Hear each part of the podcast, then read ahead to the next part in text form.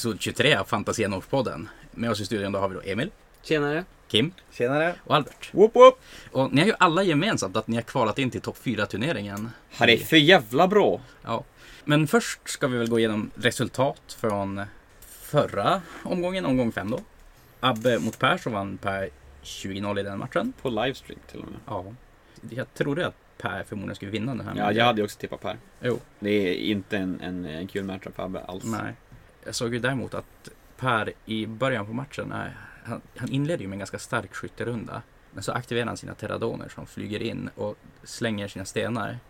Och de gör inte ett mortal wound. Det, det är faktiskt otroligt tillfredsställande. Mm. Han hade ju otroligt... För någon som har liksom fått de där terradonerna i ansiktet. Han hade så otroligt... Han hade inget bra skytte med skinksen heller kändes det som. Så att hans första runda vart ju verkligen... Mm. Inget kli, klimax men han, han slapp ju initiativ. Mm. Ni alla har väl mött Per? Mm. Så har alla mardrömmar efter terradoner då eller gick det ändå vägen? Alltså så här, jag har mardrömmar efter initiativslaget. Och så kan vi lämna det där. Ja, nej, terradonerna. Jag fick möta terradonerna, de var jobbiga. Ja. Mm. Men det, det är en väldigt bra enhet. Det, Ja. det går som inte att Ja, ta sig förbi det. jag är avundsjuk på den faktiskt. Den Mm. hade jag velat ha själv. Jag känner ju att de flesta sådana där saker så är det ju after a normal move. Men för terradonerna är det ju bara en move. Ja, Mm. Så du kan göra det vid en charge move, en piling move, en... du kan göra det nästan hela tiden. Ja. Det är väldigt eh, flexibelt. Bara hur långt de tar sig i grund. Vad är det Mm. de har i grund? 16 i grund och sen går du 3 extra om du kör Cult of Sotek. Mm. Mm. Du kommer jättemycket. Och så slänger du stenar. Men han använde inte command ability på dem för han missplacerade dem lite grann från sin skin chief och kunde bara droppa då på 4 plus istället för 2 plus. Mm. Jag tror dock att det kan även vara en strategisk grej att Skink, alltså Terradon Chiefen kan ju göra mirakel på eget håll. Och det är ju en droppning du har så att lite men Många gånger tror jag om du skickar fram Chiefen för att ha han i range Då väljer du bort den Den Chiefen till det andra för de kommer Mm. plocka bort den om den står där framme. Tänker jag, men jag vet inte. Nej, men eh, Perdo tog en övertygande vinst och tar sig in i topp 4 med den matchen. Eh, kanske till och med hade tagit sig in i topp 4 med en lika och liknande. Men till nästa match då, som jag uppskriver här är ju en ganska rolig match. Det är Jon mot Edvin. Och den här vann ju Edvin. Men vi vet ju att Edvin är en, en, eh, en rutinerad spelare Mm, med många år av erfarenhet. mm. Han vann den med 13-7 mot Jon. Men det är kul. Ja, Jag gillar Edvin. ja. Go Han, Edvin. han, han ballar med. Go Edvin. Han tog ju också vann mot eh, Jon senaste fanatiken så Jon får fan hämta upp sig Mm. lite nu. jag, jag, alltså det, jag vet inte riktigt vad Jon håller på med ibland. Nej, men eh, ja, i tidigare så sa jag att Edvins armé förmodligen hade lagom mycket punch för att kunna ta sig igenom den där Sylvaneth-armén. Att det handlar både Scarbrand och Bloodletters och eh, Slaughter, vad nu de heter snubbarna. Skull, vad heter Skull Reapers Ja, Skull Reapers. De är ju riktigt bra mot Ja. Och en Blodsekerator bara för att buffa hela gänget. Det är väldigt få arméer som inte är bra mot Sylvaneth. Mm. Just för att Sylvaneth är ganska Mm. dålig. Ja. Jon spelade också Alariel, det var så patetiskt. Alltså, Alariel hamnar i närstrid med 15 Bloodletters. Och 15 Bloodletters dödar Alariel efter hon har fått slaget på dem först. Åh nej. Ja. Big oof. Big Oof. Men eh, sen så tar Jon Slay på Scarbrand och jag vet inte om man tog eh, vilket annan man tog och sen så som det ser ut så fick då Edvin en minor win mot Jon helt enkelt. Mm. Bra gjort Edvin. Snyggt jobbat. Ja, här är den till. Albert mot Anton. Ja, Eh, där vann ju Anton mot sig själv. ja. Eh, Anton hade väl behövt en 20-0 här för att kunna komma in i topp 4. Och Mm. Du kunde spela ganska safe egentligen. Ja, alltså jag har, jag har ju fördel, eller övertaget där. Och sen hade jag, min plan var egentligen att skicka en skinkenhet på varje flank. Så att han var tvungen att hantera den. Eh, och sen hanterade han en runda för sent. Så att jag, jag kunde styra väldigt mycket. Och jag lyckades, han fick första dubbelrundan, jag lyckades ta den på, Han blev lite övertaggad då som bara gick för att engagea så mycket som möjligt utan att få vissa typ Kavalos buffs och grejer. mm, Så han fick inte ut lika mycket dubbelrundan som han ville. Men sen hade han fan en big brain move där i slutet av spelet med Arkan. Att han hade haft uppe protection of Nagash på honom.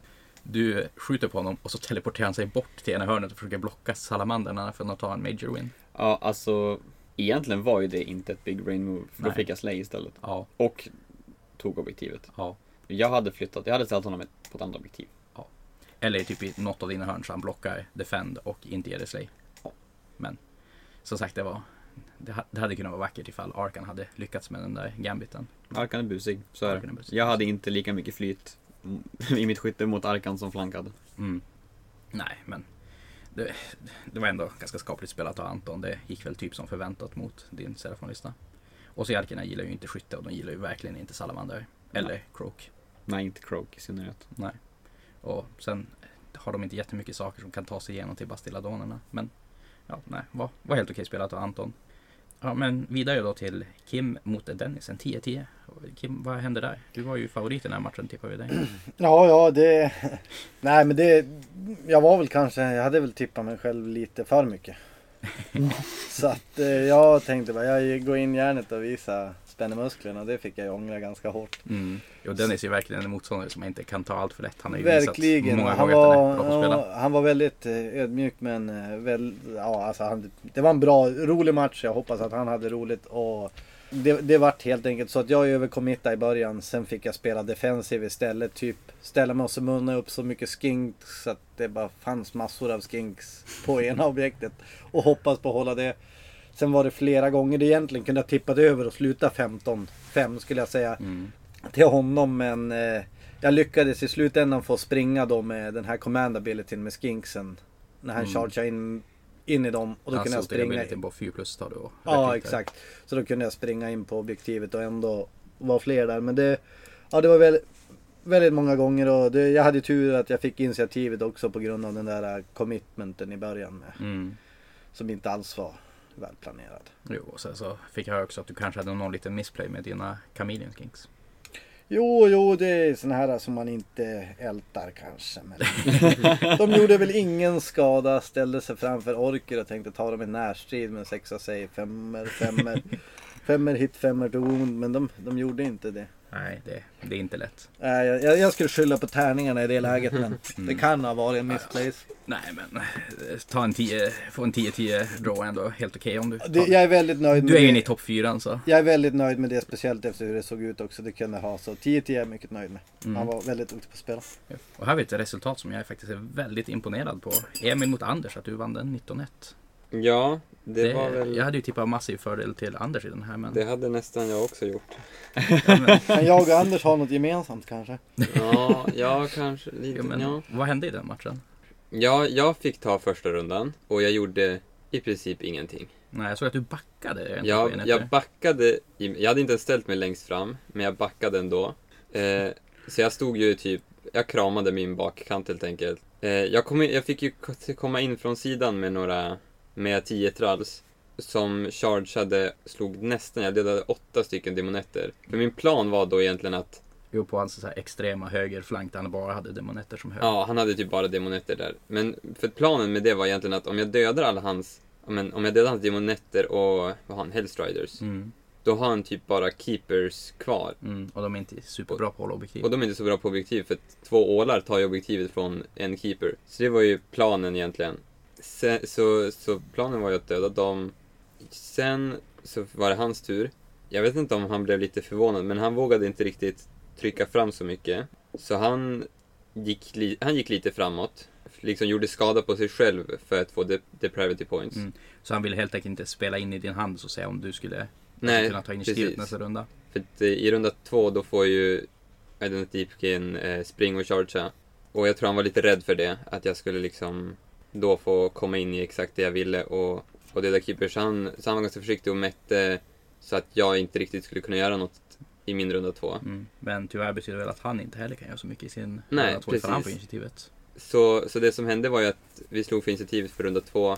Jag vann det och gav honom runda två, vilket gjorde att han egentligen inte kunde göra jättemycket.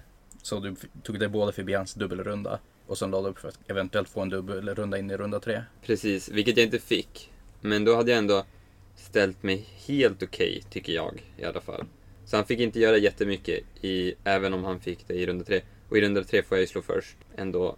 Och så Men- hade han väldigt otur med sina... Jo, men även om du inte fick dubbelrunda så har du ju som garderat dig för att bli Ja. dubbelrundad så det är ju fruktansvärt bra. Ja, nej men Och så, tog, så jag tog alla... Jag vann Major i runda tre. ja, det Ja. är väldigt fint spelat helt enkelt. Och båda Hiddens. Mm. Men eh, sen hade vi Henrik mot Nordman och det här var ju 19-1 till mig. Men enda skälet till att det här inte alltså blev en typ draw. Det är för att min Hellstorm Rocket Battery i sista rundan med sista chargen klarar 9 tum charge.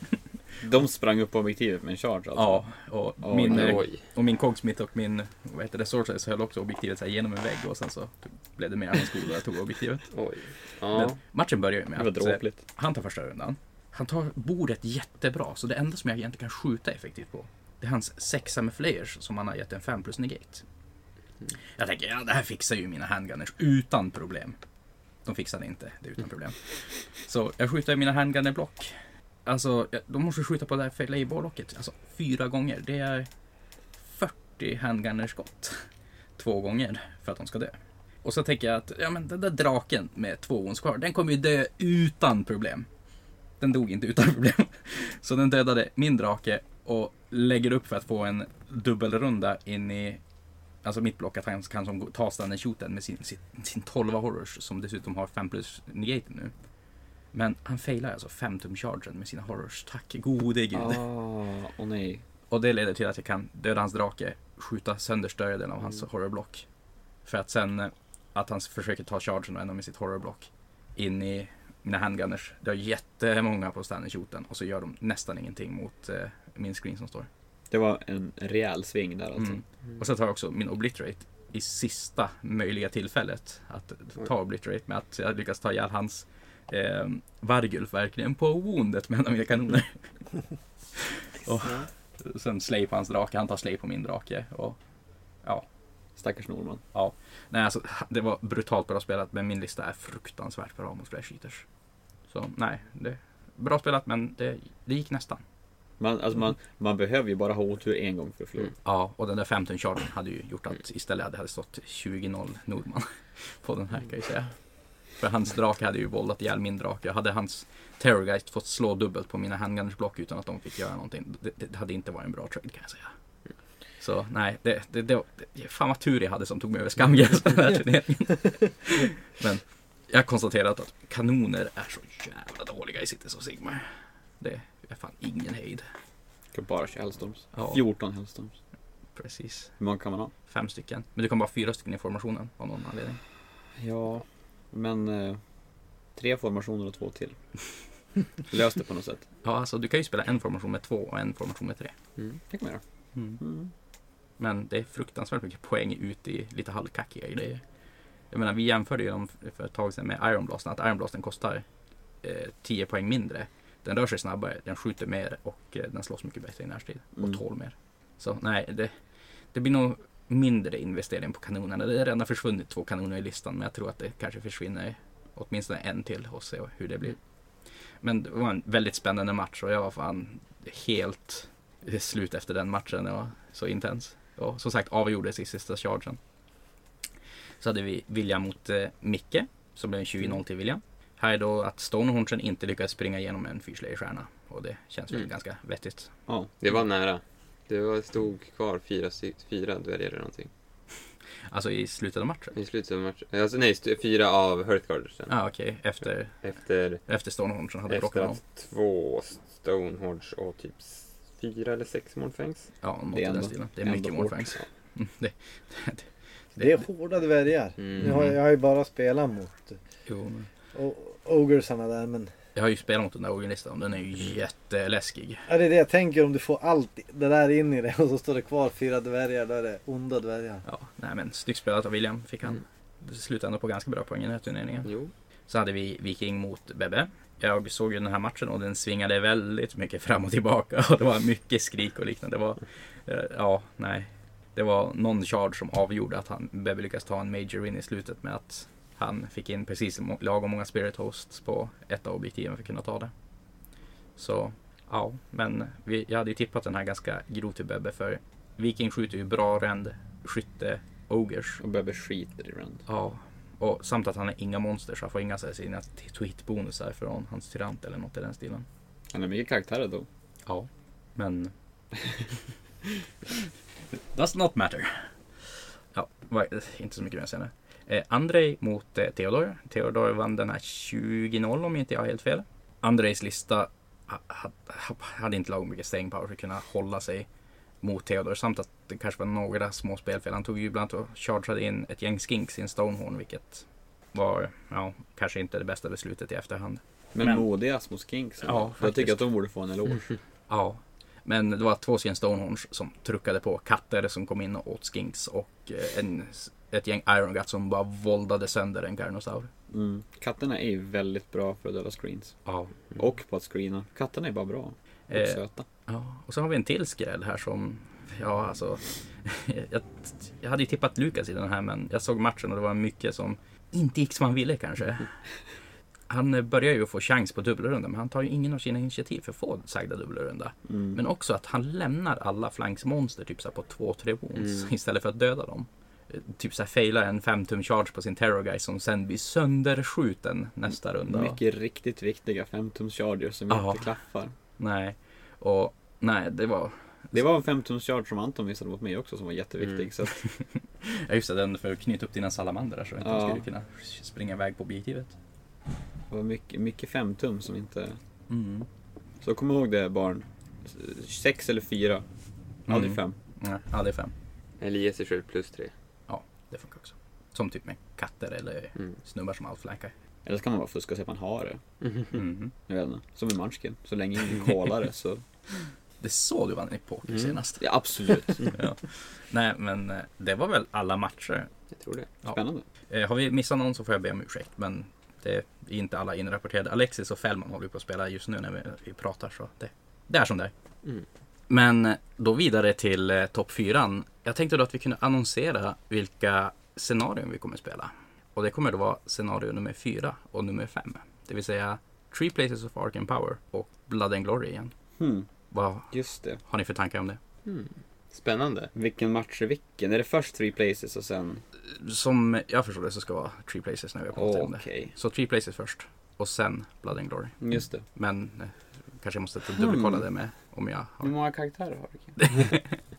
Vilken Så- Blood and Glory. Det är den här som vi spelade senast, att eh, objektiven. Där vissa hade Ja, lätt om det, att ta just alla det. objektiv. Jag svarar inte Albert för att jag vill inte att du ska veta. Eh, Kim, Nej, man men- kan faktiskt se hans lista och nej. Jo, nej men det... Fördel, fördelen att man har spelat dem tidigare. Är det samma secret objectives till Ja, dem då? och eh, jag Som tror vi kommer ha det som första tiebreaker. Alltså hi- poängen du får. Det kommer ju vara rakt av win-loss vem som går vidare. Men säg att det blir lika i matchen. Då kommer Hidden spela in och sen antar jag att det kommer vara kill points. Som en last resort. Ja. Just det. Vi får se vilka tiebreakers vi Vi vet i alla fall att scenarierna är Mm. det de är. Absolut. Vi kommer få stå och stångas i mitten. Varsin steg. Ja, det kan, det kan ju hända att båda fegar till typ runda fyra. Sen kör vi en en rundas match. Ja, vi tar, vi tar, vi tar e- ett poäng var. Vi, vi, vi kör på kometen fram till runda fem, sen blir det blast. Nej, alltså det enda jag ser det är två stycken croaks som flyger fram och försöker ha en, te en teologisk debatt om vad egentligen är the great plan och att vem är Absolut. den riktiga croak. Och sen så Får slutar de det med att kvar. Jo. Och sen så runda, vad hette det, fyra bara brakade loss för äh, de tar bara Simona bara eh, massor med dåliga argument och grejer. Mm. Det låter lagom metafysiskt I summon a strawman argument. Mm. Så vi har alltså då Serafon mot Serafon på Three Places of Ark and Power. Ja, har ni mött varandra under turneringen? Nej. Så det blir spännande det här då att se vem som utserafonar vem. Nej, jag tror att vi, bå- vi båda har ju spelat mot varandra i huvudet upprepade gånger. Ja, det tror jag. Jo, för det har ändå varit så här att det borde ha skett innan kanske, men det gjorde... Nej, så att det... Jag är väldigt nöjd. Det kunde inte ha blivit bättre för mig. Oj, oj, oj. Nej, skämt Vad var det vi sa om den här chiven? Skämt åsido, det här är, det här är ingenting, ingenting jag har sett fram emot fram, förrän tills nu då. Det, här- det där blir helt Albert perfekt. är as att spela mot. Eh, Det, det, är så, må- alltså det, det är så många, det, ja, det kan verkligen tippa åt vilket håll. Utan tvekan blir det en bra match. Det här är inte- det tror jag säkert. Ett visuellt medium, så för er som lyssnar så kan jag säga att jag håller i en Army Painter fil som är en chiv. Det finns även filchivar av andra varumärken. Det kommer, säkert, kommer säkert låta lite lägre. Kommer, en back- jättespännande match att kolla på tror jag. Det Ja, vi kommer, vi kommer Det kommer hinkar och... Ja, en av oss kommer ha eh, skitkul. Emil, eh, revansch då mot eh, Per. Så, Jag får försöka ta revansch mot Per. ja. Får se om jag lärde mig något eh, förra matchen. Mm. Vilket jag hoppas att jag gjorde. det blir lite jobbigt för att jag har ju bara tre karaktärer i min lista. Mm. Varav en har fem wounds, sexa save. Men du kan ju sitta på honom ett tag.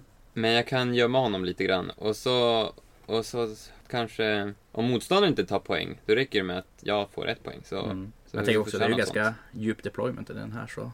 Det, det, Ja. det kan Jo, men gå det kan bli spännande. bra och bara försöka. Det kan, det kan gå att bli en spännande... Det kommer nog vara en väldigt spännande match, Mm. tror jag. Sen har vi Blood and Glory igen. Alltså samma som vi spelade Mm. den här omgången. Nu har man fått värma upp där. Mm. Så då blir det jag mot Per då. Jag, jag, jag tänkte ju säga det. Jag, jag tänkte ju säga det beror på om jag får möta Idonet eller Serafonerna Ja, det är jättespännande. Jag, Tror du inte på Jag- mig?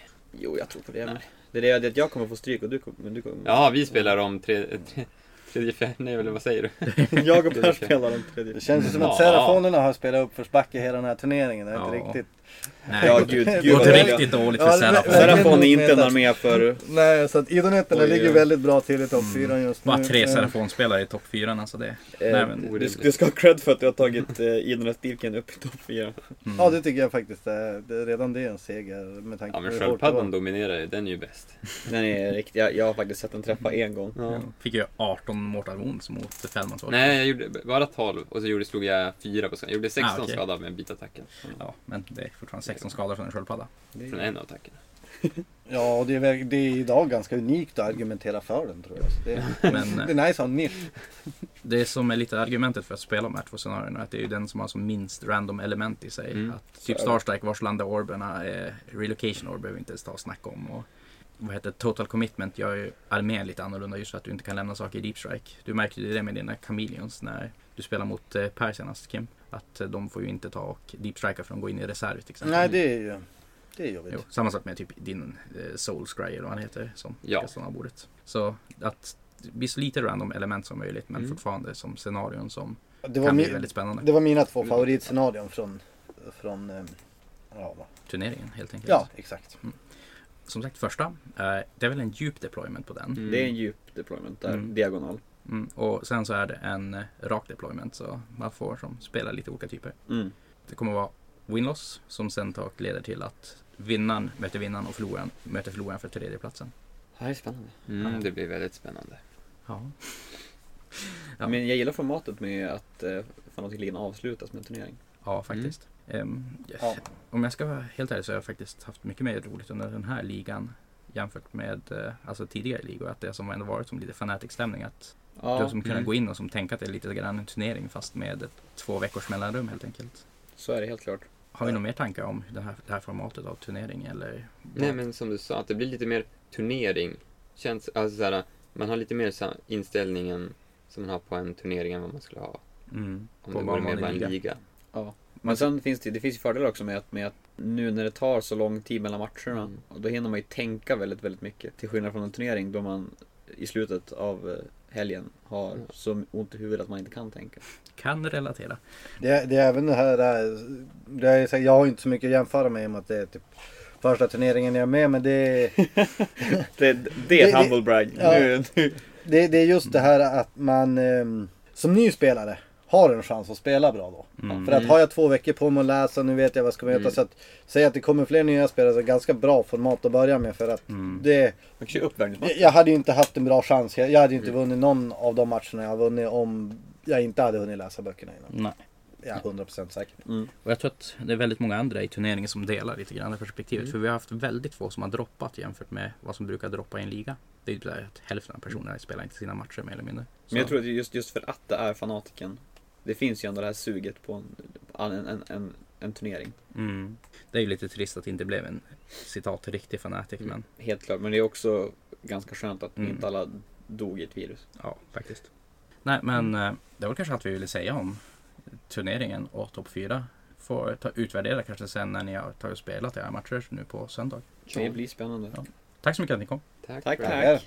Ja, men då har vi pratat färdigt Age of Sigmar och nu har vi med oss Daniel igen för att komma med enorm visdom inom 42-spelet. Visst är det så? Ja, alltså eh, jag måste säga så här att åttonde sitter jag på enorm visdom. Ja, men nionde vet jag ingenting nästan. Eh, Det Så är att, så. eh, men nu talar vi om eran Nu ska vi prata exakt. Nu har vi spelat fem matcher i en sådär... Och jag har distans kollat på de här fyra listorna och jag är sjukt imponerad. Jag tycker allihopa är bra. Ja, Jag, för då har jag, har en, jag har en favorit. Jag vill att han vinner. Ja. Jag tror inte han kommer göra det. Men vi kan prata mer Ja, om det precis. sen. För att vi har, I toppen nu har vi Mikael Seglund som spelar Eldari. Vi har Viktor Bergenholtz som spelar Grey Knights. Och så sen har vi Patrik Nygren som spelar Tau och Marcus Persson som spelar Tau. Och de här kommer att spela en semifinal först. Där Marcus möter Micke och, sen, och Viktor möter Patrik. Så det är Eldar mot Tau och Grey Knight mot Tau. Och sen en final sen på eftermiddagen, bäst av, bäst, en, bäst av, en match om tredje platsen också. Så vad säger vi då? Eh, Ska vi ta lista för lista kanske? Jag Vi måste börja med- säga att jag älskar att ni håller igång någon form av du vet, covid-anpassad turneringsscen på något sätt. Eh, jag älskar det så jävla mycket. Alltså, jag hatar att sitta i limbo som jag gör just nu. Och Ja, det, bara det har ju uppskattats väldigt mycket. Alltså, jag älskar det så sjukt mycket. Det är helt... Eh, jag är så galet Så att det du säger att du, missunnsam du skulle vilja mot alla flytta- andra som får spela 40K. Men jag inte får göra det. du skulle vilja flytta din pool hit till Umeå istället och, och kunna spela 40K istället. Ja, nej men lite så. Alltså, det, det är sjukt, sjukt kul. Bra idé. Liksom. Det var som jag skrev till dig. Det här gäller väl kanske bara människor norr om... Eller något. Men, men det är svårt för oss att vara med. Men jag är glad att ni gör det. Jag är sjukt glad att ni gör det. Ja, vi ska, det har lyckats väldigt bra. Så vi kommer nog förmodligen köra igång en när nionde kickar igång också. Men då förhoppningsvis också att vi kan spela en vanlig Fnatic sen till hösten är väl, är väl tanken i alla fall. Så ni får komma upp och och visa var skåpet ska stå. Men eh, Super- listor då? Det här har du lite koll på. Eh, om vi börjar med Elda-listan. Nu ska jag lägga ut de här listorna så att de finns att titta på. Men, men den är väl... Ja, vad säger du om den? Innan jag säger någonting. För att jag... pratar om Mikael Segelund, ja. Segelunds Precis. Elda-lista. Elda-lista med, med Trippa Night Spinners och Great Lords. Lite anpassad efter Psychic Awakening är det väl? Jag har kollat på alla de här listorna eh, och jag tycker faktiskt alla listorna är eh, väldigt förutsägbara. Den enda listan som har element som gör mig glad i själen är Marcus Pe- Perssons lista. Som jag Ja. tycker har lite andra element. Den har, ehm, eh, vad heter det nu i Tau-världen? Skimmersarna. Piran. Piranerna, piranerna men, men piranerna är ju inte så enkla. För de bidrar ju också med drone-skyddet som man behöver i listan för att bygga en bra lista. Ja, precis. För att då får du massa med tycker tvåor. Det är den mest innovativa listan, skulle jag säga. Men om man tittar på Mikael Segelunds lista så skulle jag säga att den ligger väldigt, väldigt, väldigt nära hur jag skulle bygga en, en Eldar-lista. Jag tycker att ta in Yukon är verkligen det som gör listan intressant. För det är det som är svårt. Alltså man behöver element. När listor börjar bli så, det här långt in i 8 Mm. som vi är, så blir listor väldigt förutsägbara. Ja, men det blir väl mycket meta, metalistor. Internet har berättat lite. Ja, det blir så här, det här är bästa, det här är bästa, bla bla bla. Att ta in Newcarn i den listan tycker jag gör listan jättemycket mer intressant. Jag tycker det är en jättestabil lista. Och om jag förstår dig rätt så möter Mikael Marcus i första matchen. Det stämmer. De möter varandra första. Och då ska sägas att Marcus lista är väl byggd av Mikael. I stort sett. Mm. Och, och det är väl Mikael som brukar köra lite taktiska genomgångar med Marcus innan matcherna. Så att, eh, det, det kan ju vara så att det är väldigt avgörande. Men de listorna i ett vakuum bara utan att man tittar på spelare. Vad, vad säger du om dem då? Är det enda listan som är bättre? Ja, Det är jävla svårt i, i vakuum och så vidare. Alltså, eh, jag, jag skulle säga att de har två väldigt bra listor båda två. Marcus hade kunnat spendera sina poäng mycket bättre Mm. med att ha mycket mer drones till exempel. Mm. Vilket Patrik, eller Viktor har gjort. Ja, Patrik är det som har...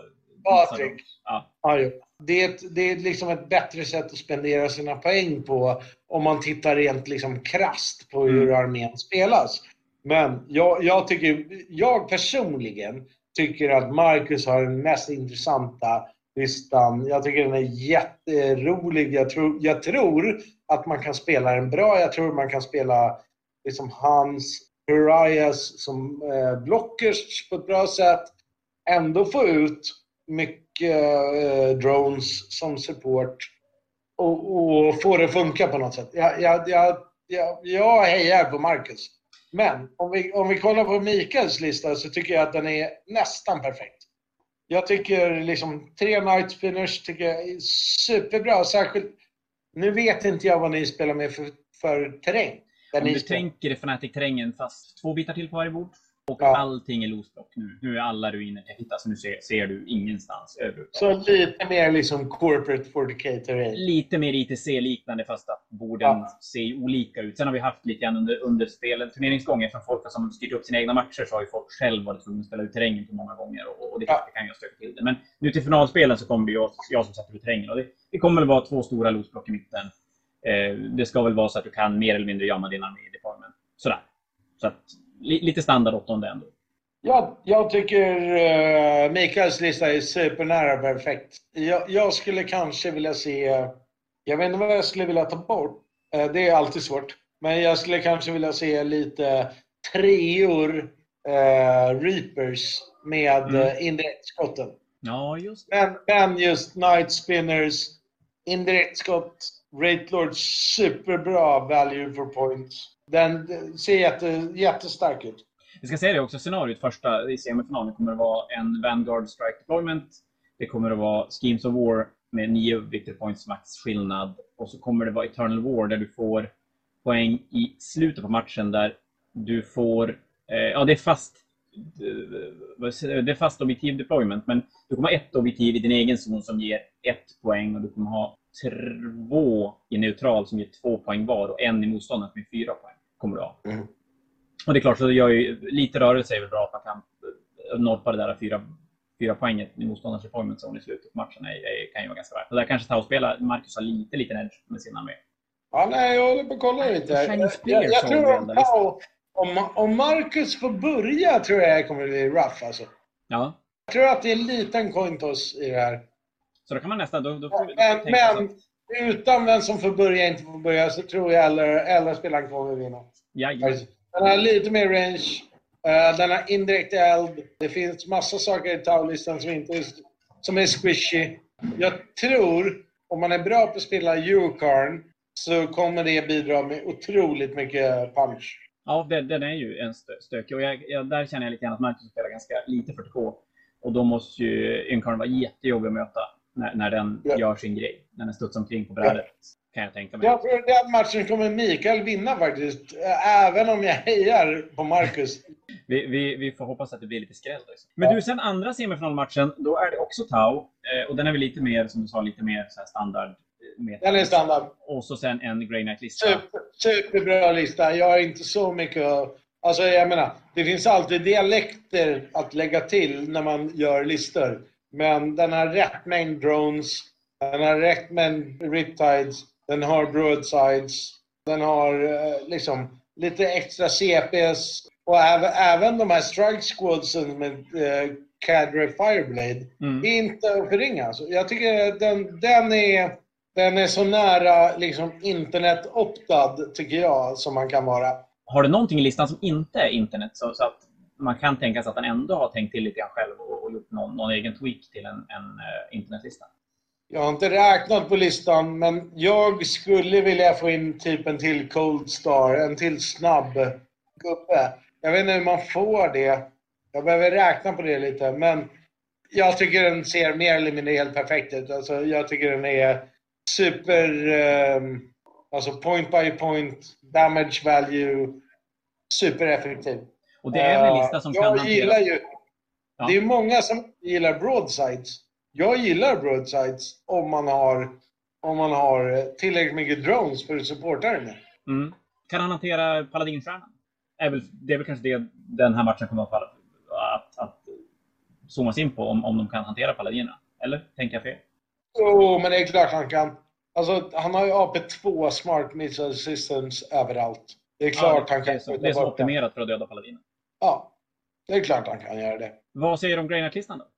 Är den också Jag har väldigt standard? spelat, i min värld, när jag spelar mycket, så innebär det att jag spelar en lista kanske 30 gånger på en månad, ja, två månader typ. Jag har gjort det med Grey Knights. Jag gillar Grey Knights som fan. Jag tycker det är superkul. Jag har spelat den här listan ja, lite, lite, lite annorlunda. Det var mer, lite mer paladiner, lite, mer, lite mindre Terminators. Så hade jag en till Dreadnought som inte, och ingen av dem var Venerables. Ehm, det är en superbra lista. Grejen är att det vi inte får glömma bort här, vilket jag inte vet, för jag vet inte vem Marcus Persson är. Jag vet inte vem Mikael Segerlund är. Jag vet inte vem Patrik Nygren är och jag vet inte vem Viktor Bergholtz är. Det är att alla, skulle jag säga, förutom kanske Marcus, eh, har tagit otroligt eh, point by point value baserade listor Mm. som är optimala. Och jag är absolut inte förvånad att de här listorna är topp fyra. Det här är liksom... Eh, Crème de la crème helt enkelt. metat i slutet av åttonde. Viktors lista är superbra. Jag har nästan ingenting att säga. Jag kan säga att jag tycker att den är lite förutsägbar. Men det betyder absolut inte att den är dålig. Snarare tvärtom. Alltså, det vill säga, den, den följer eh, schemat av hur en sån här lista ser ut. När den här går igång med sina smites, arbetar särskilt mot Tau-listorna som jag tror kommer vara i toppen. Mm. Då tror jag att han kommer få enorm utdelning på sin smite-doktrin och så vidare. Så... Jag har ju spelat mot Viktors Ja, ja, jag lista vet, i den jag vet inte. Jag vet inte alltså. Jag måste fundera själv. Jag Ja. har spelat Viktors lista och han kommer spela mot mot Tau. mot Patrik. Ja. Jag, jag, jag, medan du funderar kan jag säga att jag har lirat mot Viktor i den här turneringen, mot den här listan. Eh, och det som du säger, den smitar ju något så fruktansvärt mycket. Och då spelar jag ganska tung psychic-lista i Tyranider och det, den hade ju ingenting att komma med. Överhuvudtaget. Jag måste nog tyvärr säga, jag måste nog tyvärr säga lite tråkigt. Vad, vad är det för missions de ska spela? Eh, det, är samma, det är 9 poäng Teams of War. Det är Eternal War i slutet på matchen med fyra objektiv. Två i neutral zon, en i respektive deployment. Och det är ett poäng att hålla sitt eget, två att hålla neutral och fyra att hålla motståndarens deployment. Vad är det för deployment? Vanguard är det. Vanguard. Så Ja, det är alltså Så det, sned det är noll. Ja, men exakt. Okej. Så det är ju frågan. Ja, det, men det då, är, då, är mina, då är faktiskt mina favoriter Marcus. Nej, det är inte alls det. Jag ljuger. Det är Mikael och, och Viktor. Det är väl lite Mm. grann som jag tror... Där skulle jag också falla lite grann. Även på spelare kanske jag skulle falla där också. Eh, faktiskt. På, på Jag kan, inte, jag, jag kan inte playskill. Alltså Nej. på riktigt som jag skrev till dig innan. Den coolaste listan är Marcus lista så här sent in i gamet. Att ta in Prajor, att, att använda Prajor som delivery system för, eh, för drones ger ett helt annat värde till drones. Alltså Mikaels lista, nej, Patriks lista, Ja. den är bara helt förutsägbar. De har ju mött varandra, Patrik och Marcus, i match tre. Och då gick Marcus vinnande med, jag tror att det blev 13-6. 13, nej, 13-6, 13-7 tror jag det blev. Eller om det blev 14-6. Det är ju alltid kul när Så det är så. Där, där När blev liksom, det... eh, den lite mindre uppenbara Ja. eh, liksom, nätlista. Jag personligen, det, det, jag menar, jag tror att du, du kan ta in massa spelare eh, som pratar om olika listor i det här formatet som har olika åsikter. För mig personligen så är det så här att jag kan inte ta en lista som finns på internet och spela den. Jag har aldrig gjort det, kommer aldrig göra det. Jag måste bygga in min egen lista. Sen kanske jag teoretiskt sett kan komma fram till samma lista som finns på internet. Men det viktiga för mig, det är om jag har sex pirajor i min lista. Då spelar ju de en roll som är viktig. Det är en funktion som är superviktig i min lista. Och det är det som är intressant med den listan tycker jag. Vad, vilken roll har han tänkt? Är det typ en, en smite screen som man gör med de här? Eller är det liksom en charge deny eller är det en... Det Hur har han tänkt att det här ska funka? Vi ska snacka Jag menar, väldigt det mycket. uppenbara är ju att de bidrar med 10 drones till hans dyra saker. Men det finns ju 40 poäng per, per unit här som han har tänkt någonting kring som vi inte riktigt vet vad det är. Därför hejar jag på Marcus mest av alla. Men jag tror inte Marcus kommer vinna, men det skulle vara kul om han gjorde. Vi ska ha mycket med oss Ja. efter, efter det här. Och han som har byggt Marcus lista, så får vi höra lite grann vad tankarna var. Vad, Ja. hur planen ligger. Även om det är motståndaren som får berätta hur planen var, så, så är det ju så det Vi får höra lite grann tankarna kring det i alla fall.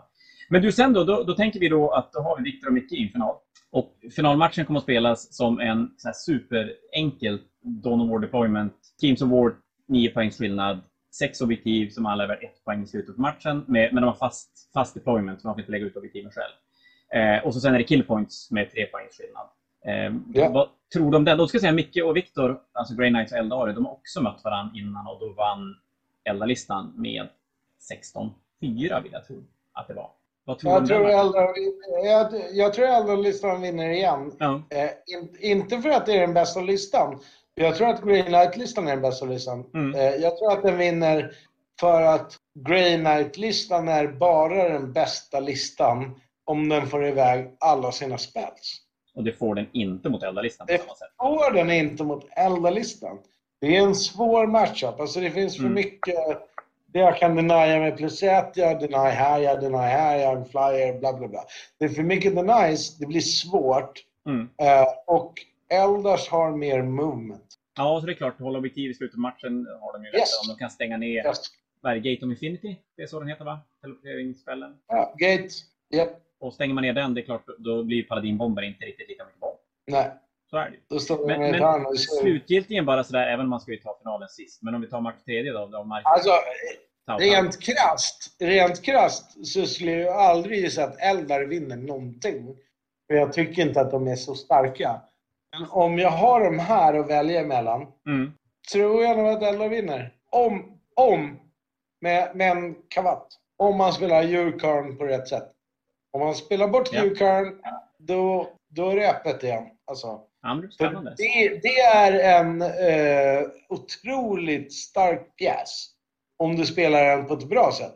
Men det är också en obvious giveaway. Alltså det är så här 200 poäng som du bara ger bort eh, automatiskt om du spelar den på fel sätt. Så att eh, U- Ucarn spelar en enorm roll i det här skulle jag säga. Mm. Att spela den på ett bra sätt, alltså på ett point efficient sätt. Typ komma in i rätt runda, komma in på rätt ställe, chargea, döda en liten grej. Något annat dödar något man hoppar bort, man kan inte bli skjuten på. De flesta människorna spelar i Ucarn som jag går in och dödar en grej och så blev det bra, men det är inte rätt sätt. Alltså, det är en skirmisher-modell som ska gå in och plocka hem sina poäng över fem runder. Eh, de flesta bara sätter det mot det uppenbara targetet. Det är fastän att den nästan slår otroligt hårt. Men, men det är kanske som du säger, det är inte det man, man egentligen ska använda. Nej, du slår ihjäl någonting otroligt hårt, han är död. Då byter du 250 poäng mot 250 poäng. Mm. Jag tror att Ucarn över sju runder kan plocka in 500-600 poäng i dödande utan att dö överhuvudtaget. Om du spelar kanter, plockar in dem på rätt ställen, myser. Du kan till och med ha lite så här sacrificial units som han inte har. Men typ tre bikers, Dark Elder bikers, som du skickar in som dör, som tar fram honom, som gör Mm. att han får göra sådana saker. Ja, spännande. Eh, men eh, jag, eh, jag skulle säga att Marcus lista är roligast. Men Viktors bäst. Patrik eller Viktors lista är bäst. Men jag tror att Mikael vinner. Ja, men du, det låter jättespännande. Vi har ju ett facit på söndag, så jag tänker mig att du får komma tillbaka när det är i alla fall dags att börja prata lite nionde när vi vet lite mer än vad vi vet nu. Så får jag tacka Ja. så hemskt mycket för, för ikväll. Jag är med när ni vill. Ja, men underbart. Ha det bra Daniel, så hörs vi. Ha det gott. Hej. Så, då har vi snackat färdigt med Daniel som har siat precis hur den här turneringen ska sluta. Så då har vi tagit in två stycken av eh, topp 4-spelarna som ska få berätta att han har rätt eller fel, beroende på vad han sa för någonting. Så då har vi Patrik med oss Hej. och Micke. Eh, Så Patrik, du kan ju berätta lite grann om dig själv. Hur länge har du spelat? Vad, vad lirar du för någonting? Eh, Jag har väl spelat i sex år typ, sen jag började gymnasiet. I, spelat Tau. Bara Tau. Bara Tau. Vägrar spela något annat. Går inte att spela något annat. Så Nej. måste man ju flytta gubbar det är inget roligt. försökt, men det var... Det blir inget bra helt enkelt. Nej. Men du är ganska så här stabil topp 20-spelare på Fanatiken. Ja, topp 20. Någonting sånt, va? Ja. Brukar du lägga Det dig. brukar gå bra fyra matcher, dåligt sista. Och så Micke, du har varit med förut. Ja, jag började väl spela när du öppnade Fantasia. Så för typ 100 år sedan. Ja, men när var det? 95 kanske? Det var ett Ja. millennium sen så. Det var ett millennium sedan. Ja, det är 25 år sedan. 25 år sedan. Ja, är det typ. 25 år sedan. Då spelade jag ju jättemycket. Supermycket fantasy, ganska mycket 40K. Och så alla andra spel. Och sen kom Magic in i svängen. Nej, jag började med det innan egentligen. Ja, så. Men sen spelade jag ju det några år och så sen eh, har jag haft en paus på Det kom 18-20 år. sprit in i. Ja, Ja, där! Det brukar Tjejer, vara någonting. det Tjejer och sånt, sprit. ja. Så dumheter. så borta i typ 20 år nästan i alla fall. Men jag, kom, jag har spelat nu i eh, tre år kanske. Men Och då spelar lite allt möjligt. Eldar. jag, ja, jag spelar allt. Jag lånar med och spelar och har med och sådär. Jag testar allt. Men eldar är min, min armé. kan Ja. jag Och eh, jag är här igen. Ja, Henrik har kommit tillbaka igen. Han är lite borta under Daniel-intervjun och, och tillbaka nu för, med sin 40k-visdom. Ja. Visdom. Jag är så jävla bra på det. Ja, ja, galet. Ska bli snart. Efter våra Tale of X Gamers. Tale Precis. of Six Gamers. Men du, ska vi, vi tänkte att vi kör igenom matcherna som har spelats i sista omgången. Så kommer ni få prata lite mer om era matcher också. Och så sen ska vi se lite grann om topp 4 från eran sida. Och då, nu har jag, jag har listan, nu har ju programmet vårt har ju Lotta jättekonstigt. Så att rätt folk har ju mött varandra men det är ju utspritt på massa olika bord. I och för sig spelar man väl alltid på olika bord. Jo, men, gå bara Förvisso. uppifrån och ner. Men, men vi kör. Vi börjar med Jon mötte Niklas. Din tvillingbror. Ja. Är det? Det är. Eh, spelar orker. Jon spelar... Precis. Han spelar de här uh, Custodes, gör han. Ja. Och Niklas vann inte alls lite grann. Nej. Det gick, jag vet inte, har du hört kanske. någonting om matchen? Ja, jag hörde... Ja, jag hörde det gick dåligt. Det, det gick dåligt. Men Jon är ganska stabil mot Orke. Jag har sett alltid han spelar så. Ja. Ja, han var orolig Det- från början. ja. Nu, nu spelar väl Niklas ingen hård orklista. Han har massa... Nej, skytte orker mest. Jag vågar inte säga någonting om hans lista för jag har sagt fel så många Ja, gånger så han blir så arg på mig. eh, Men han, han torskar 20-0. Så Ja. Jon avslutade rejält. Jag tror Jon slutar sexa i turneringen. Vi har en match ospelad som kan påverka det. Jag är lite osäker på. Eh, sen har vi en match som sagt som ska spelas imorgon. Eh, den kommer inte att påverka toppen någonting. Så att den kan vi hoppa, hoppa över. Sen har vi Viktor mot Simon. Och då är det då Viktors Grey Knight som klev in i topp 4. Mot Simon Ingvarssons eh, sys- systrar. Och där vann Viktor med 18-2. Jag vet inte, jag är inte jätteförvånad. Ni har spelat, Mikro har spelat mot eh, Viktor. Jag har ju också spelat mot Viktor. Och det är ju tungt. Ja, Så är det det är för mycket jag för de där små tjejerna. Ja, ja, jag kan tänka mig det. Och, och studsa omkring jättemycket. Och Exorcisterna kommer ju också dö. Ja, men de kan ju inte delita någonting. Men inte nog. Nej. Det är som så. Och Viktor är ju, spelar ju... Han gör ju sällan fel. Mm, Man får inte så nej, mycket gratis. Ja, han är väldigt konsistent spelare. Att han, som, precis som du säger, han ger inte bort någonting gratis. Han, han står på rätt ställen, håller rätt objektiv och tar, som vet om lite vad som kan komma skall för att ta, hålla nere motståndarens poäng. Han, Och det man blir lite less på där, det är att han spelar ju sjukt lite. ja, Eller han har spelat mer nu inför det här, men annars så spelar han ju väldigt lite. Och det är alltid lite bittert. Så min plan mot honom det var ju att se till att han inte får spela sitt spel. Alltså att eh, förstöra hans gameplan lite grann. Ja, men det funkar så väl? Ja, det in funkar med ganska bra. dina Shining Spears i alla hans karaktärer. Ja, du chockade in dem. Va? ja, det var nära. Hade jag, jag hade glömt, jag använde strategem.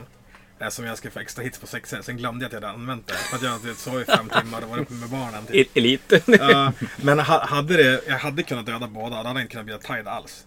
Ja, då blir det jobbigt för honom. Mm. Då blir det riktigt jobbigt. Vi kan komma tillbaka till det om ni påminner mig. Kan vi komma tillbaka en liten om, om Daniels spekulationer kring, kring finalen sen också. Just kring din, din armé och Viktors armé.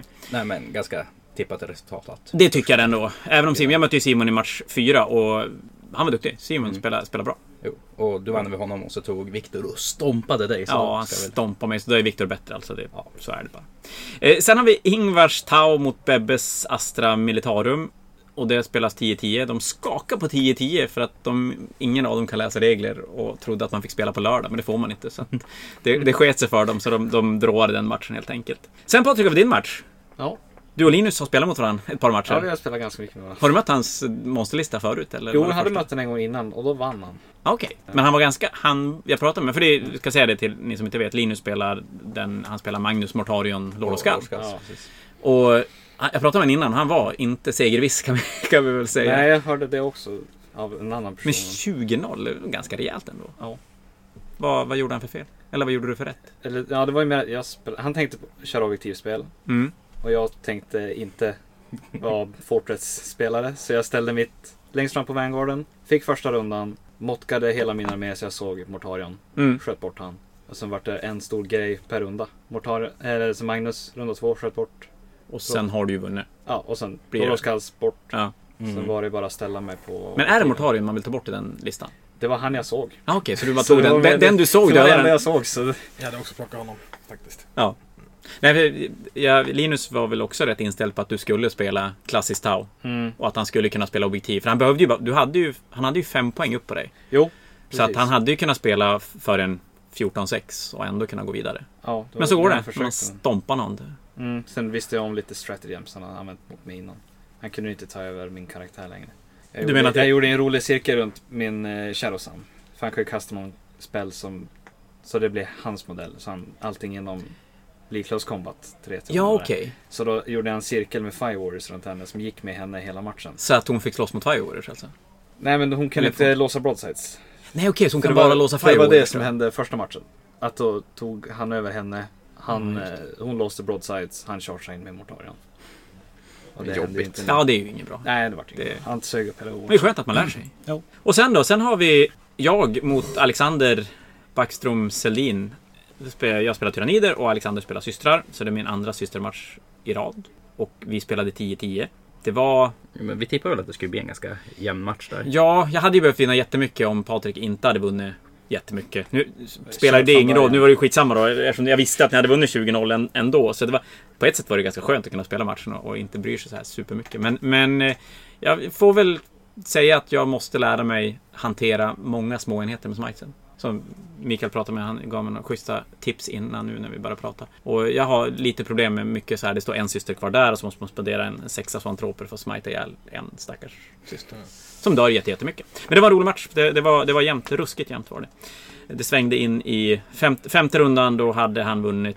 Sjätte rundan dråade vi och i sjunde hade nog han vunnit också tror jag. Okej. Sen nästa bord har vi Lars, eller Lars Inte- Emil. Lars inte det var en dansband. Emil Bergmark som spelar mot Andrei. Och där nailade vi vad vi förutspådde i, inför grupp 5. Att Emils Terminator-lista kunde inte hantera Andrejs stridsvagnar. Nej. För lite antitank och för mycket som är känsligt när det börjar skjuta med, med containrar och vindicators och grejer.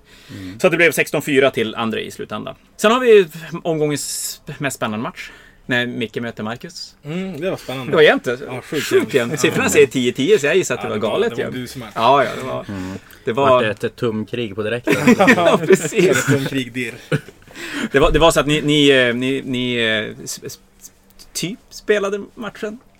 Mm, det blev lika tungt. Ja, ni kunde ju faktiskt dra er in på, i topp, toppen. Och det kommer att vara jättemycket folk som stör sig sjukt mycket på det. Jag Men- tycker det är helt rätt. Alltså oberoende hur det där gick till så förtjänar ni båda vara i topp fyra. Ja, gud ja. Det, Jag kände det lite så här att jag, vi, vi är kompisar och så. Så att eh, hade man spelat mot honom för att få en bättre sida hade det känts lite taskigt också. Ja, nej jag tycker det är, det är helt rätt. Jag hade gjort... Jag kan säga jag hade gjort samma sak om jag haft möjligheten. Jag vet att Patrik hade gjort samma sak. aldrig Åh gud vad du hade gjort samma. Du hade ju fan betala pengar för att få det.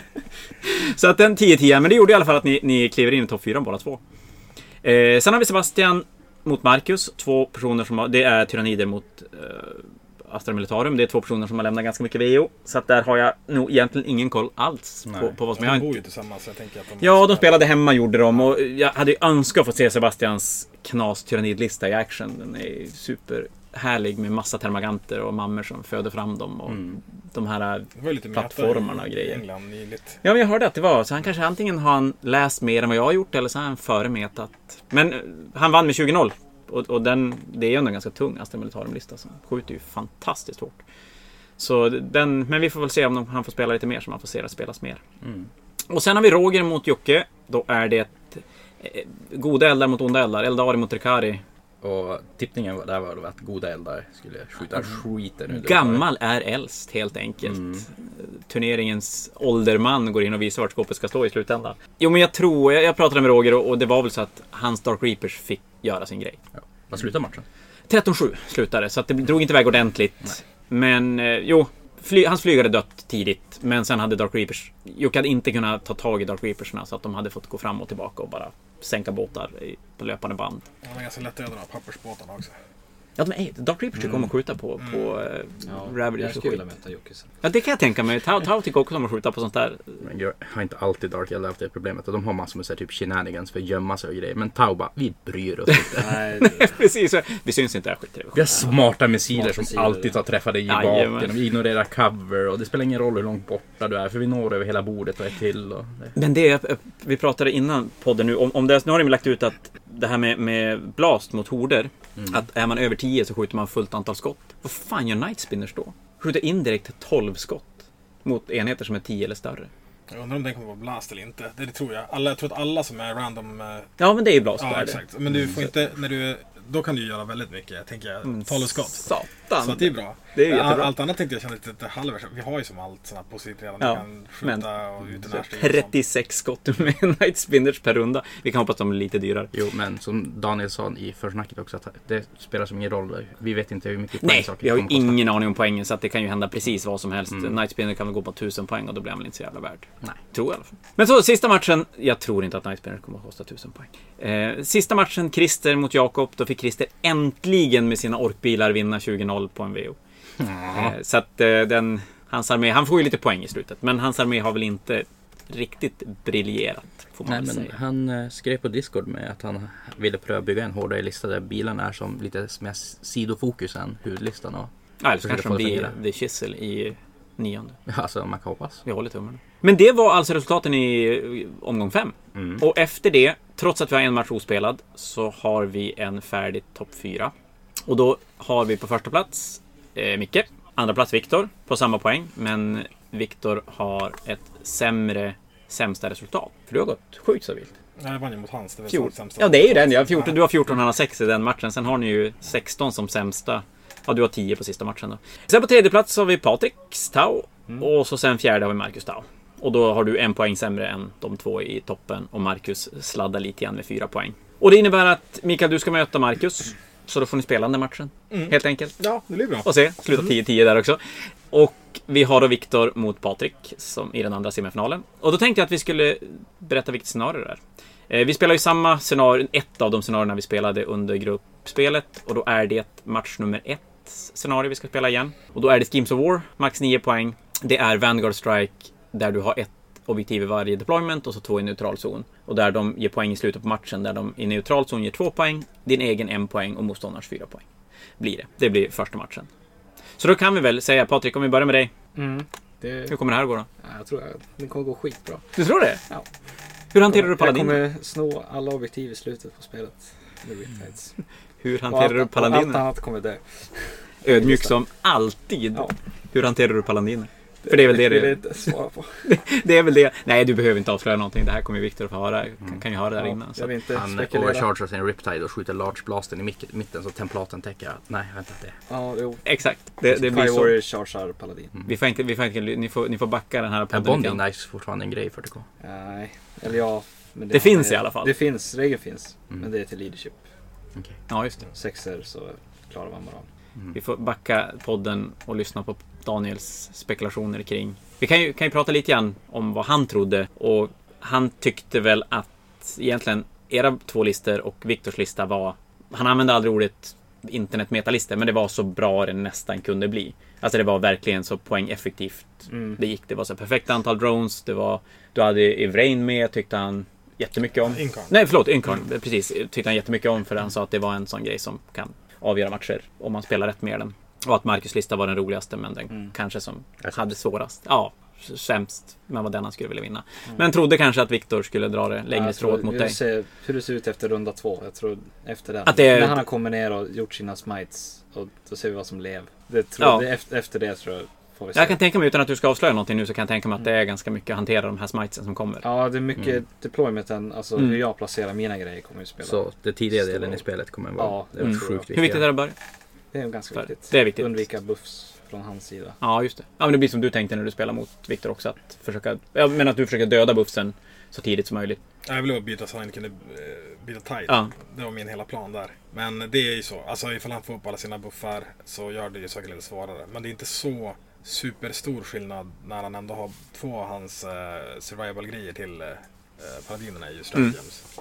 Ja, just det. Så att det spelar ingen roll att, att Psykersen är död. Ja, Men det om man, roll. Men det, om man pratar Tau rent allmänt mot Grey Knights utan att gå in på era listor och egentligen vad du skulle göra. Mm. Men om man ska sänka paladiner som ändå har möjligheten att man bara får onda fyror och man drar ner damage med ett. Vad är det mest effektiva i Tau-listan för att sänka, sänka paladiner? Eh, de har väl Timon som paladiner? De har tre. Tre. Tre. Ja. Ja, så då är det Broadsidesen som har D3. Eller Riptide med sin stora Iron Accelerator. Vad, den damage? Som är damage Minimum fyra. Ja, minimum fyra. Minus Så- fyra. Ja, men det är Men ju det är väldigt sex- effektivt. Det, Jo, men det blir sex skott kontra varje Broadside 24 skott. det är så jävla gött att du säger bara sex skott med minimum damage 4. Där är man Ja. fan bortskämd, måste jag Det är säga. bara... Borde vara Nej, men det- Ingen gillar Tau-spelare. Alltså. Ja.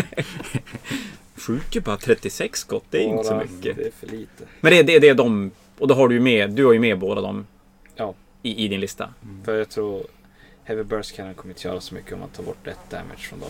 Nej, det är damage 1 på den då. Damage, ja, det blir damage 1. Ja. Nej, det är klart då måste man skjuta jättemycket. Och så Ja. Onda 4 med, med 4 plus inbo save eller 2 plus Mm. vanligt save. Ja, det blir spännande att se vart, vart det tar vägen någonstans. Scenariot då? Vad, Ja, vad säger du om det? ja. Är det ett bra scenario för dig eller hade du hellre spelat utan kort? eller? Jag, jag tror jag inte vill ha kort. Nej. För det är för mycket, alltså om, han, om jag får skitdåliga kort och han får mycket D3 Mm. och får maxpoäng. Då är det ju... Nej, jag gillar objektiv för det jag vill ändå ut runda fyra och ta, ta dem i slutet på matchen. Och så kan du stå i tre runder Ja, stå, Skjuta. Stå i skjuta och sen bara hoppa över hela bordet och, och ta dem. Och det är klart, missa tre runder kort är ju inget bra. Nej. Att det är win-loss nu, för nu blir det ju win-loss, nu är ju poängen skitsamma. Eh, Mm. Vad, vad, hur påverkar det Jag dig? tror det är bättre för mig. Ja. För oftast vinner man aldrig. Alltså jag har ju knappt vunnit en match 20-0 i den här turneringen. Nej. Det var ju 16-17 poäng.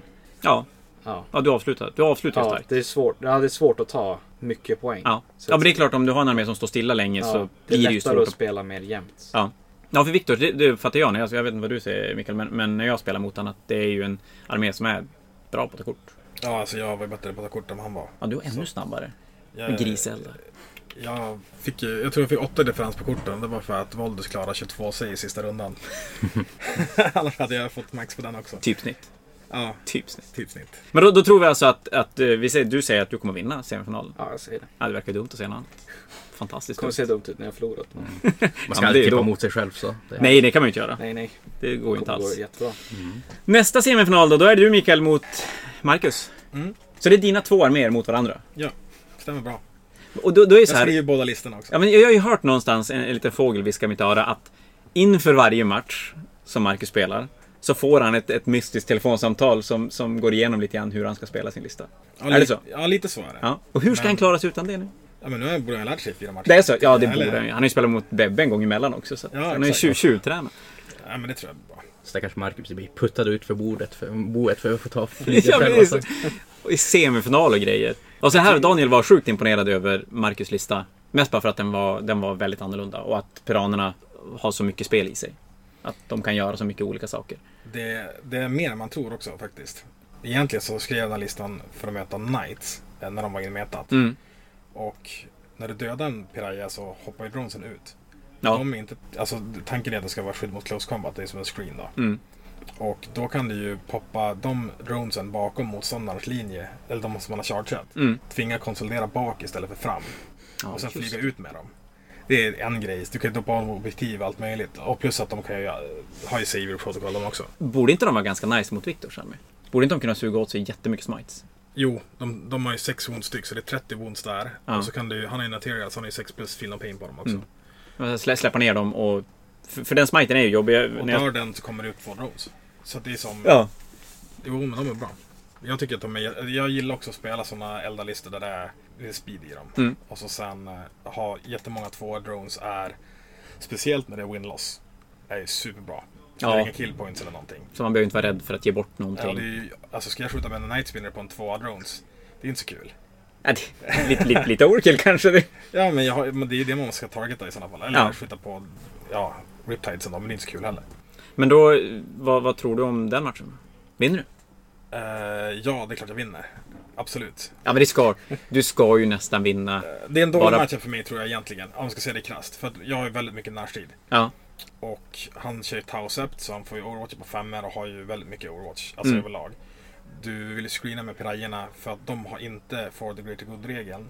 Men allt runt som har den får ju ändå skjuta när du chargear dem. Okej, så om du chargear en, en Praja så får resten av armén skjuta på dem? Exakt, men chargear de som inte är en piraya så får inte pirajerna skjuta. Nej, just det. Så det är ju, men det, det är en bra armé mot min armé tror jag egentligen. Alltså, bra lista mot min lista. Men då måste ju du tjäna också på att det är en win-loss. För det känns som att du borde kunna spela tillräckligt tight för att vinna lite grann i alla fall. Ja, jag tänker så här, jag, jag får spela ut honom helt enkelt. Ja. Och försöka vinna på något sånt sätt. Men jag, och sen har jag, jag har lite Secret Tech i listan Ja. också som inte har kommit upp i turneringen än. Vi får, ta, vi får ta den efter finalen. Höra hur ni gjorde. Mm. Får se vem av er som vinner då. För det är väl så det ska bli då? Ja, ja. Ja, Det står precis. mellan oss två. Ja, för det, det är ju nästa. Vi vet ju inte vilka som går i final, så vi kan ju inte spekulera jättemycket kring finalen. Nej. Men om ni... objektivt skulle titta på listorna, vilken tror ni ska vinna då? Jag har inte läst någon lista i den här turneringen. Objektivt tittar på listan för Anderson Green. Så ja. Du tror Green Knights Ja, är det tror jag. Ja. Alltså, Ja, det, jag är ju- tror jag trodde att jag skulle förlora mot honom först. eh, För att han har ju... Alltså, han skjuter på små, veka alver med sina stormbolter. Ja, de ska ju. Det är ju driver. Det. Jo, exakt. Eh, Men... Så att jag tror att den listan har...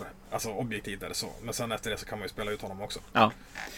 Nej men jag har ju tippat asbra i båda spelen så... måste- Ja, vad har du tippat här då? Eller ska du tippa nu, tänker du? Ehm, jo, om jag bara kollar på hur listorna har presterat och lite vad jag har hört från det hela så tror jag att Grey Knights och Inari går vidare i första rundan. Förlåt. Nu välter Patrik bordet och går härifrån. Jävlar skitpodd. Och sen kanske Victor har lärt sig lite med Grey Knights och Inari-grejer som händer så det är ju svårare där men kanske att jag måste lägga mina pengar på Grey Knights. Ja. Ja, Jag har ju jättesvårt att tippa det här för att Precis, ja, ni har ju svårt att tippa för att Mm. ni är ju Mm. lite bias kanske. Och jag har ju just lyssnat på någon som uppenbarligen kan det här spelet mycket bättre än vad jag kan. Så att, mm, ja men, men ja, det var exakt det jag menade Henrik. Eh, och, och ska man bara för er skull prata, det Daniel sa, så var det väl så att han trodde också att det var Grey Knights och Eldar Mm. i final. Men trodde att Eldar skulle vinna den. Och det var egentligen mycket för att han tror, trodde att du eventuellt skulle kunna stänga ner smiten. Eller stänga ner magifasen för Grey Knightsen. Så pass att han Mm. tappade den edgen. Och att du ska kunna- vinna på det. Ja, alltså tippar jag bättre än Daniel så är jag fan bäst på det här spelet. Så är det ju, definitivt. Jag tänkte vi kunde dra scenariot i sista matchen också. Då ska vi spela kanske det enklaste scenariot. Det som vi spelade match... Vad blir det? Match tre tror jag. Nej, fyra. Med, med eh, kort. Nio poängs skillnad. Eh, Så du får spela kort två matcher. Blir Det är inget bra. Och så sen är det ett poäng för varje Eternal War-objektiv i slutet på matchen. Och så sen en Dawn of War Deployment och Kill Points. Tre poängs skillnad. Det är perfekt om jag möter Victor för då får jag bara spöa i samma match igen. Ja, var det det ni mötte? Kung, då vet du exakt hur du ska göra. det är lugnt. Så då står han där och så bara Charger du med mina Shining Spears? Jag förstår ingenting. Varför händer det här? Fast han kanske kommer att screena lite bättre den här gången då. Ja, det finns mycket möjligt. Eller vi ser väl. Det är, han kanske tycker att det är en bra bait. Ju vara Ja, så. kanske. Han är okej med det bytet. Ja. Och se. Du får tänka ut en annan gameplan då i så fall. Det. Nej, men jag, det värsta är att jag, det, det var ändå bra i slutändan. Jag tror inte att eh, han... Jag lyssnade på när han var med på podden och han Mm. tyckte att det, det var en bra grej för honom. Men jag tyckte det var en bra grej för mig. Mm. För att jag, jag hade, de var fullbuffade. De hade 2 plus save, 3 plus eh, ward save Mm. i eh, skytte och eh, femma field of pain. Mm. Så att de sokade, alltså han kunde inte smita ihjäl dem. Han var tvungen att chargea in sina Terminators och alla karaktärer var kvar i närstrid med dem. Så att hela runda två så höll de upp alla karaktärer och alla hans Terminators. Det enda som sköt eller gjorde någonting, det var ju lite sportgrejer han droppade och så sen de paladinerna som var kvar. Mm. Så de gjorde exakt vad jag ville att de skulle göra och stänga in han i ett hörn så jag kunde ta ball control. Mm. Ja, det är klart. Mot den armén så är det ju nice att få board control så han inte kan droppa ner precis vart han vill med sina strike squads sen när de dyker upp. Ja, det blir spännande att se vem som har rätt. Ja. Ska sägas att det blir en match om tredje pris på söndag också. Jag ska kolla upp Jag tittar på dig Patrik. Jag vet inte Ja, men alla har ju bestämt att- på mig Alla har bestämt att du inte ska vinna så att det, det är ju så det är då. Det kommer vara jag och Marcus. Mm. Tau mot Tau i final. spela lika. Det vore ju galet. Mm. Ja, Marcus Jag spelar drå, det, det blir jobbigt. Mm. Då måste man ha tiebreaker. Det har jag faktiskt inte ens funderat på, så det får jag fundera på innan söndag. Hur vi ska tiebreaka en oavgjord match faktiskt. Vi får då tacka så mycket att ni ville vara med på podden idag. Ja. Och prata. Det var roligt. Och sen får vi se hur mycket rätt ni har. På söndag. Det blir kung. Ja. Super. Tack hej. Ja. Ja men. Det börjar kännas som att Fnatic snart är över för det. Ja, för, för vår i alla fall. Ja. Det, det, har nu är varit- det nära. Det var ett väldigt annorlunda format. Så jag, alltså, Jag tycker det var roligt. Jag Mm. har ju inte fått vara med och spela sånt här tidigare. Eller, jag har ju inte spelat en Fnatic tidigare. Men det har ju varit riktigt roligt. Framförallt tycker jag det har varit skitkul att kunna sitta och kolla Mm. listor och verkligen läsa på. Om man vill. Jag inte göra som, ja, Patrik hade ju inte gjort det men. Nej men sen tycker jag att, jag sa det också i Age of Sigmar-delen av podden att det här formatet har som fungerat förvånansvärt bra. Jag menar, ofta när man lirar liga, det är ju typ så här 50% droppmatcher känns det som. Och sen så, Ja, någonting sånt. och, men här har ju nästan alla spelat känns det som. Men det, någonstans är det väl så att folk har tagit det här ändå semiseriöst. Alltså lite som en, en eh, vanlig Fnatic. Och jag tror att hade det inte varit för Corona så hade nog det nästan inte varit några VO-matcher alls. Nej. För alla har ju verkligen försökt spela sina matcher. Och det är skitkul. Och det känns väl som att det blir lite mer seriöst när man inte får bygga om sina listor. Ja. Att man hela tiden lirar samma. Och då just det här man kan, man kan ta fram och sitta och läsa och kolla och plugga på. Ja, jag har lärt mig sjukt mycket nytt de här Mm. matcherna som jag har spelat. Så tanken är väl att det blir en till egentligen nästan direkt när nionde kommer. ja. Att vi, vi rullar på. Så att eh, även om det är svårt för er som inte bor i Umeå att, att vara med. Det boka kan- matcher på Tabletop Simulator. Nej men satan! Sluta Henrik, så får vi inte göra. Men däremot bor ni i kring gränskommunerna så går det ju. Att om man är två, tre stycken som, som är med och spelar då kanske man kan försöka tajma det så man åker in en helg och lirar sina matcher. Det blir ju då ja, men en, en resa till Umeå varannan vecka, var tredje vecka någonting. Ja. Och det kan ju vara rätt okej. Ja. Är man Skellefteåbo eller är man Övikare, Lycksele, så här. Jag tycker inte det borde vara omöjligt Nej. att komma och lira. Så det hoppas Kanske till man, om, man, om man är riktigt dedikerad att komma typ från Östersund och Vilhelmina. Ja, Sundsvall, tåget upp. Tar inte så jävla lång tid. Fan varför stanna där? Vi borde bjuda en britter. Ja, men bara- överligen en Det är bara flygresa. två timmar i flyg hit. Så. Det är, det, är hur lugnt som helst. Ja. Flygbiljetten blir säkert billig nu också när det inte är någon som flyger. Mm. Eller så blir det tvärtom kanske. Jag kan säga, kommer någon hit från Storbritannien får ni bo hos mig under hela turneringen. Ja, stort. Det är jävligt stort alltså. Ja. De kommer hit och så bor de de stannar de i åtta Mm. veckor, tio veckor och spelar alla matcher. Ja, nej men eh, sen är det väl kanske också lite dåliga nyheter vad gäller Best in Show. Det, Ja, det är så lite visat, intresse att det kanske blir att vi till och med tar ställer in själva tävlingen. Det går ju självklart alltid bra fortfarande komma foten under söndagen och eh, få snygga bilder på sin armé men någon röstning när det är två personer som är nej. nej men, det känns- Jag tror att vi säger, vi bestämmer det nu att, att fem i varje spel för att det ska bli någonting, tycker jag. ja, Och det är väl egentligen... Nej, jag vet inte vad det är egentligen för. Men, men det är ju så att eftersom det inte blev några målarkrav.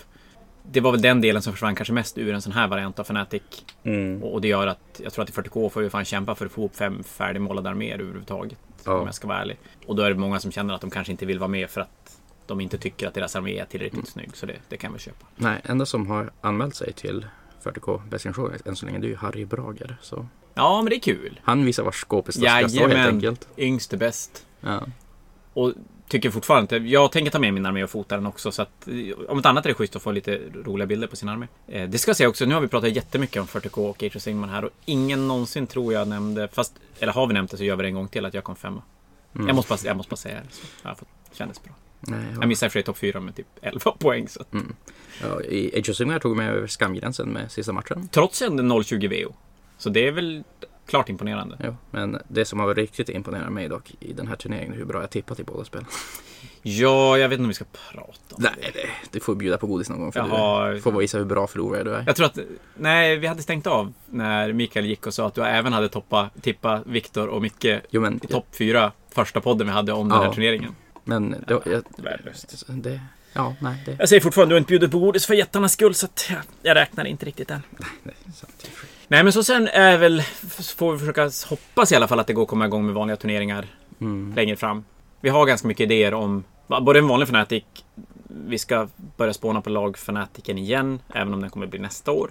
Och så sen har jag även lite idéer på att försöka köra en, en 40K Invitational och kanske försöka göra det till något återkommande där man, där man tittar på toppen av svenska 40K-rankingen och även folk som har placerat sig bra på andra turneringar som får bli inbjudna att spela.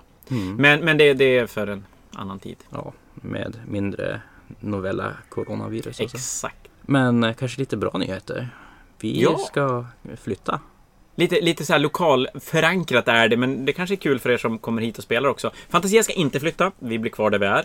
Det här kommer bli så sjukt mycket missförstånd när, vi går ut med det här. Men, men Battlebunkern ska flytta. Ja, den har förut, eller just nu är den en liten bit ner i Saga-gallerian mitt emot en leksaksbutik. På som heter- 40 kvadrat. Ja, Så vi rymmer två fullspårade spelbord och vad är det, åtta målarplatser som blandar målarplatser och Magic-platser. mm. Ja. det, blir, det blir lite trångt ibland. Ja, luft och grejer, det, det är klart överskattat där inne vid många Mm. tillfällen. Och väldigt ofta måste vi flytta ut bord i gallerian för att kunna spela.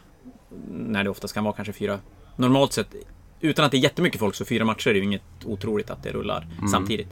Så nu får vi ha, ha frisören mitt emot oss flyttat. Så att nu kommer Bat- Battlebunkern att flytta dit istället, vilket innebär att vi går upp med lite mer det dubbla i kvadratyta. Ja, får mycket bättre ljus, får tillgång till ett kök som, Blir våra nya poddstudio. ja, är väl förhoppningsvis tanken. Det kommer finnas fler spelbord uppställda så att Och, och det gör även att Fusk tillsammans med Fantasia kommer uppdatera terrängen så att vi, vi ska väl i alla fall försöka kanske kunna känna att, ja men lite så här Warhammer World-känsla på, på borden när man Mm. kommer och spelar. Och vi kommer även försöka inreda, inreda bunkern så att det blir, tänk er Warhammer World slash Mini Wargaming Mm.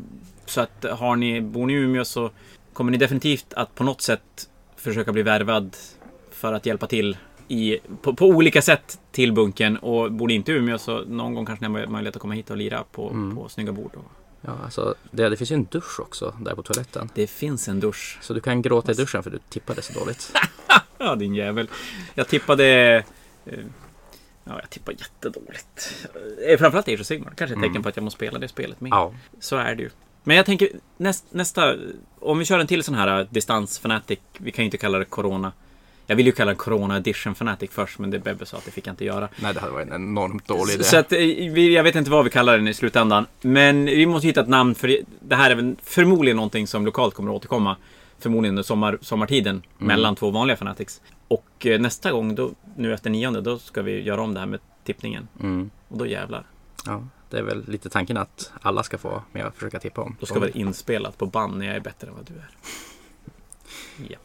Ja, jag kan tippa att du inte kommer vara det. Boom. Snap. Var det, var det en avslutning det där eller?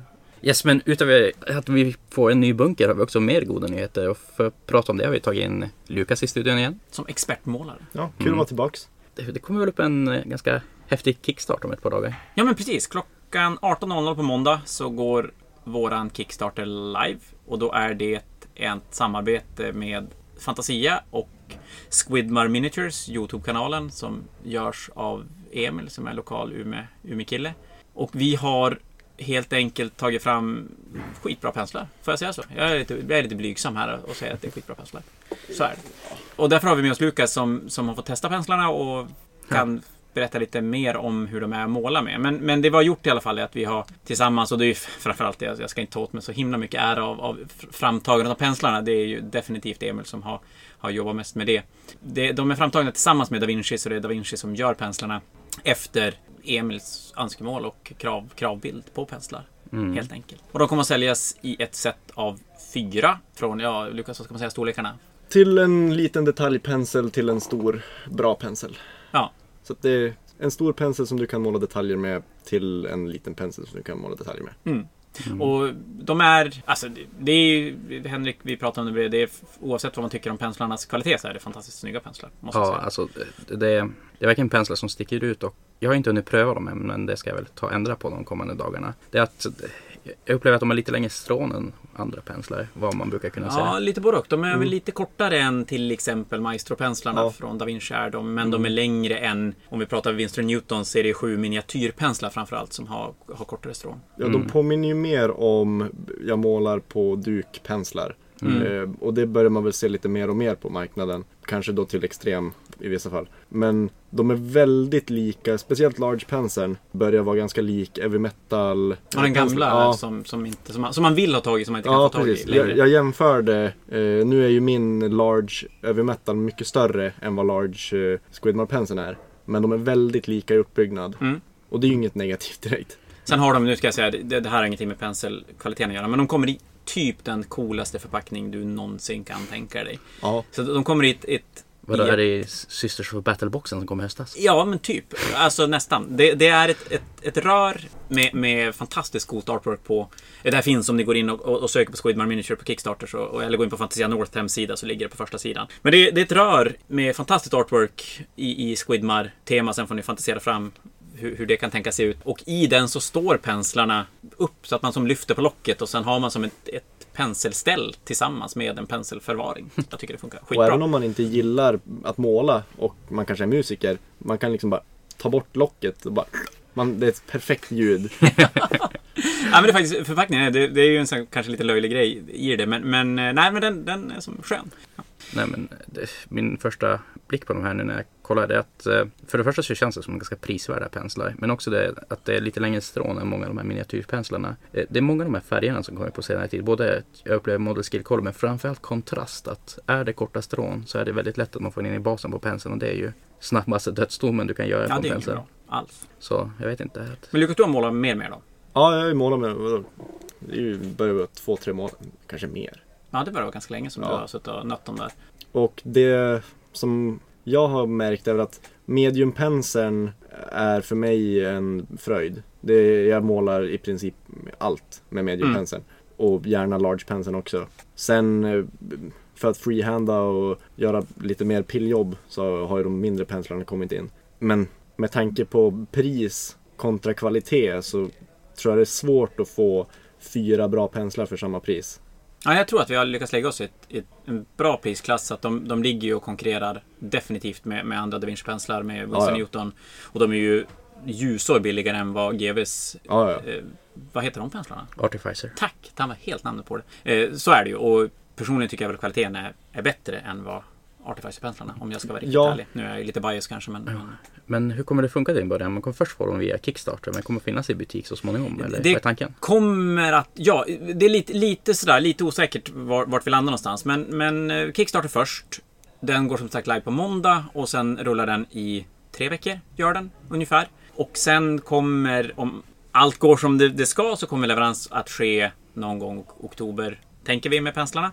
Och sen beror det lite grann på, därefter har vi inte riktigt, riktigt bestämt hur vi gör om de kommer att finnas och köpas på, på, ett, på ett vanligt sätt. För som det ser ut förmodligen så kommer vi på Fantasia att kunna, kunna erbjuda penslarna efteråt också. Och självklart vi kan ju skicka över hela, ja, typ hela världen så att alla kan ju få tag i dem oavsett vart man bor. Ni som lyssnar på den här podden är väl förmodligen i Sverige skulle jag kunna tänka mig i och för sig. Och då är det inga problem att få, få tag i dem. Men, men det blir ju först då långt efter Kickstarten är färdig. Så att vill man ha första batchen så, så är det ju Kickstart som gäller och, och ja, jag hoppas jättegärna att, att folk vill gå in och backa oss och både stötta Fantasia och Swidmar som har lagt ner ett fantastiskt jobb på att få fram de här. Så. Mm. Ja, jävligt roligt initiativ att få, alltså, ska man kalla det, lokalproducerat? Ja, men lokalproducerat i penselväg, det kanske man inte hade väntat sig och det är ju Nej. fantastiskt kul. Ja. Så är det definitivt. Så det här är Norra Mejerier helt enkelt för er som bor här i Norrland. Ja, och då ska vi säga det också, ni som inte har kollat Squidmar Miniatures YouTube-kanal så absolut, gå in och, och kolla Emil när han målar. Fantastiskt duktig målare. Ja. Det var kanske allt vi ville säga för dagens episod. Ja, men precis. Det, det har vi täckt det mesta idag i Mm. alla delar av Ja. hobbyn. Ja. Men tack så mycket för att du hoppade in Lukas. Ja, det var lite så. Ja, nej men eh, vad kan vi se fram emot i episoder då? Det? Ja, men vi, vi blir ju ingen riktig Best in Show-variant. Så Nej. då hade vi snackat lite grann om att prata om din Cities of Sigmar-armé. Kring en, ett Best in Show-tänk. Ja, Och, och kanske plocka in några som är luttrade Best in Show-vinnare. och diskutera och eh, kanske också ta hänvisa lite till den här Best in Show-episoden som vi hade nu i vintras. Ja, men precis. Hur tänket har gått in i den här. Men Ja. jag försökt ta verkligen cover all my bases när det kommer Exakt. till. Eh, och så sen har vi några no book review eh, avsnitt som vi har planerat. I alla fall Ja. en som vi har planerat. Precis, som vi gjorde med Ogre More Tribe så ska vi också gå igenom Disciples of Sench. Ja, en sån här riktig djupdykning Mm. i, i boken där vi går in i detalj på det mesta. Ja, så helt enkelt gillar ni Ogre-episoden så kommer ni gilla den där också. Ja, exakt. Och gillar ni inte den då så kan ni lyssna på något annat helt enkelt. Ja. Eller bara för att höra våra vackra röster. Precis så. Och så sen är det ju så att vi har en nionde edition krypandes runt hörnet och en del sådär Psychic Awakening-böcker som kommer. Så att det kommer att dyka upp lite book reviews av Psychic Awakening och det kommer ju definitivt att bli väldigt mycket nionde när nionde släpps. Mm, definitivt. Ja, Det var väl allt vi hade för idag. Det verkar som det. Ja. Ja, tack för Tack idag. för idag. Hej då. Hej då.